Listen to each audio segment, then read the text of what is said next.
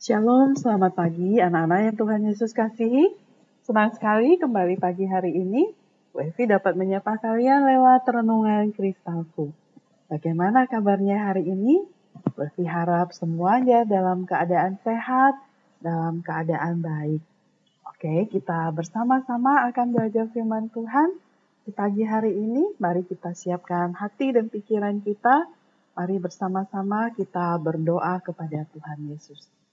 Tuhan Yesus yang baik, kami sungguh bersyukur kepadamu pada pagi hari ini. Engkau masih memberikan kesempatan kami boleh memiliki hari yang baru. Kami boleh bernafas, kami boleh bangun di pagi hari ini. Semua adalah oleh karena anugerah dan kebaikan Tuhan. Bapa di dalam surga, saat ini kami bersama-sama datang. Mohon pertolongan Tuhan, kami akan membaca dan merenungkan firman-Mu. Tuhan Yesus, kuasai setiap kami. Tolong kami bisa duduk tenang, bisa berkonsentrasi, mendengarkan firman-Mu. Terima kasih Tuhan Yesus. Ini doa kami. Amin. Anak-anak yang Tuhan Yesus kasihi, pembacaan firman Tuhan pada hari ini dari 1 Korintus pasalnya yang ke-12, ayat yang ke-12 hingga ayatnya yang ke-27. Demikian firman Tuhan. Karena sama seperti tubuh itu satu dan anggota-anggotanya banyak, dan segala anggota itu sekalipun banyak merupakan satu tubuh. Demikian pula Kristus. Sebab dalam satu roh kita semua, baik orang Yahudi maupun orang Yunani, baik Buddha maupun orang merdeka, telah dibaptis menjadi satu tubuh. Dan kita semua diberi minum dari satu roh. Karena tubuh juga tidak terdiri dari satu anggota, tetapi atas banyak anggota, andai kata kaki berkata, "Karena aku bukan tangan, aku tidak termasuk tubuh." Jadi, benarkah ia tidak termasuk tubuh? Dan andai kata telinga berkata, "Karena aku bukan mata, aku tidak termasuk tubuh, jadi benarkah ia tidak termasuk tubuh? Andai kata tubuh seluruhnya adalah mata, di manakah pendengaran? Andai kata seluruhnya adalah telinga, di manakah penciuman? Tetapi Allah telah memberikan kepada anggota masing-masing secara khusus suatu tempat pada tubuh seperti yang dikehendakinya. Andai kata semuanya adalah satu anggota, di manakah tubuh? Memang ada banyak anggota, tetapi hanya satu tubuh. Jadi, mata tidak dapat berkata kepada tangan, "Aku tidak membutuhkan engkau," dan kepala tidak dapat berkata kepada kaki, "Aku tidak membutuhkan engkau." Malahan, Justru anggota-anggota tubuh yang nampaknya paling lemah yang paling dibutuhkan. Dan kepada anggota-anggota tubuh yang menurut pemandangan kita kurang terhormat, kita berikan penghormatan khusus. Dan terhadap anggota-anggota kita yang tidak elok, kita berikan perhatian khusus. Hal itu tidak dibutuhkan oleh anggota-anggota kita yang elok. Allah telah menyusun tubuh kita begitu rupa, sehingga kepada anggota-anggota yang tidak mulia diberikan penghormatan khusus, supaya jangan terjadi perpecahan dalam tubuh, tetapi supaya anggota-anggota yang berbeda itu saling memperhatikan. Karena itu, jika satu anggota menderita, semua anggota turut menderita. Jika satu anggota dihormati, semua anggota bersuka cita. Jika satu anggota dihormati, semua anggota turut bersuka cita. Kamu semua adalah tubuh Kristus, dan kamu masing-masing adalah anggotanya. Anak-anak yang Tuhan Yesus kasihi, dalam surat pertama Paulus kepada jemaat di Korintus, dia mengatakan kepada mereka bahwa mereka semua adalah bagian dari satu tubuh, yaitu tubuh Yesus Kristus. Tubuh kita ini terdiri dari banyak bagian. Ketika bagian-bagian itu disatukan, maka menjadi satu tubuh. Demikianlah dengan tubuh Kristus. Kita masing-masing adalah bagian dari tubuhnya. Roh Kudus telah memperlengkapi setiap kita, meskipun kita berbeda dan berasal dari latar belakang yang uh, macam-macam.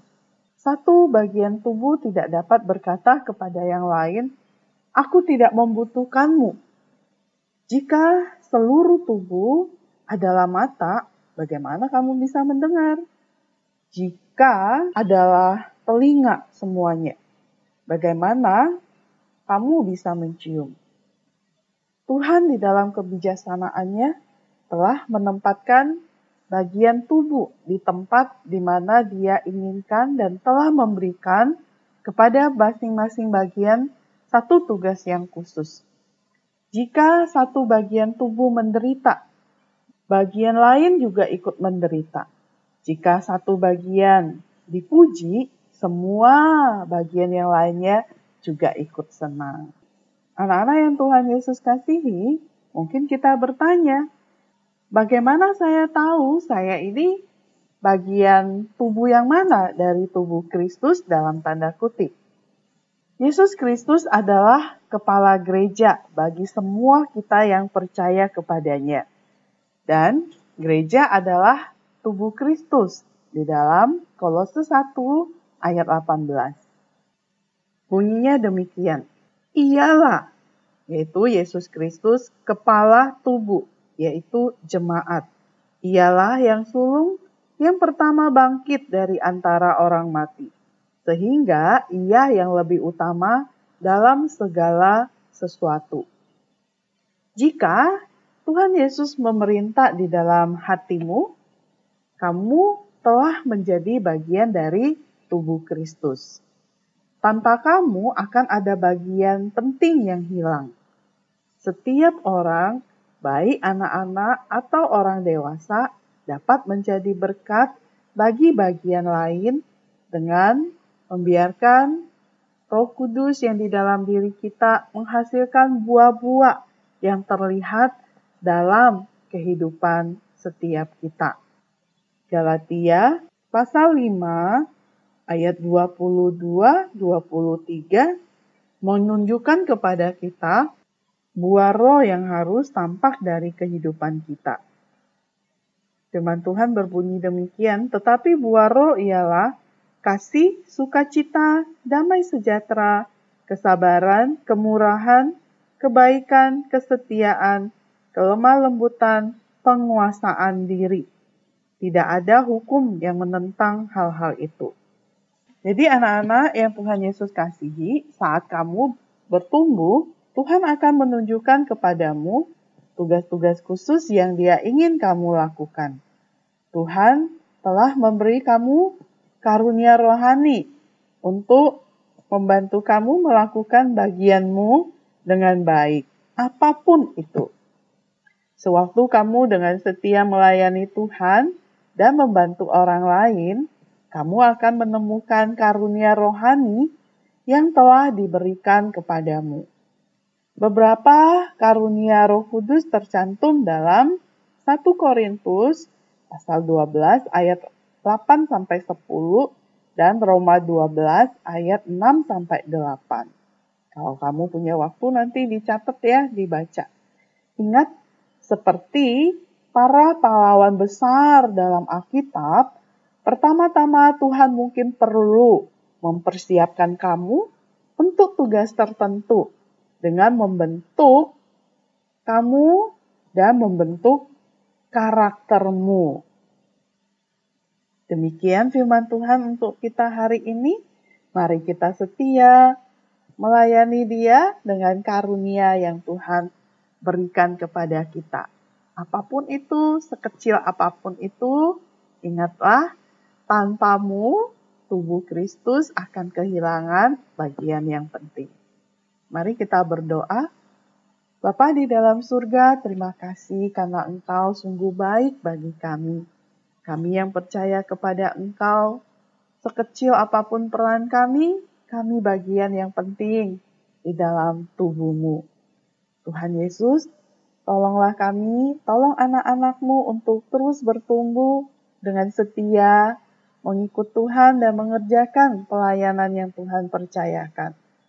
Sehingga mereka ketika bertumbuh, remaja, dewasa boleh menemukan karunia rohani yang Tuhan ingin mereka lakukan tugas khusus yang Tuhan percayakan kepada mereka. Terima kasih Tuhan Yesus. Bentuklah mereka terus bertumbuh di dalam iman mereka, karakter mereka ya Tuhan, dan menghasilkan buah-buah dalam kehidupan mereka yang boleh memuliakan Tuhan, yang boleh menjadi berkat bagi sesama. Terima kasih Tuhan Yesus, pimpin berkati seluruh kegiatan proses belajar mengajar dan Tuhan memberkati juga orang tua dalam pekerjaan mereka. Kiranya Engkau yang terus memberikan kekuatan kesehatan atas kami sekalian. Kami juga berdoa untuk pemerintah kami. Tuhan menyertai para pemimpin kami dalam melaksanakan tugas mereka. Tuhan juga memberkati gereja Tuhan. Sekiranya selalu berikan kesehatian, terus boleh melayani Tuhan dengan baik di masa pandemi ini. Terima kasih Bapak. Demi nama Tuhan Yesus kami sudah berdoa dan mengucap syukur. Amin. Anak-anak yang Tuhan Yesus kasihi, ayat emas kita hari ini dari Efesus pasal yang keempat ayatnya yang ke-16. Demikian firman Tuhan, daripadanya lah seluruh tubuh yang rapi tersusun dan diikat menjadi satu oleh pelayanan semua bagiannya, sesuai dengan kadar pekerjaan tiap-tiap anggota, menerima pertumbuhannya dan membangun dirinya dalam kasih. Demikian firman Tuhan. Selamat belajar bersama Yesus. Aku bisa bergerak dan berubah.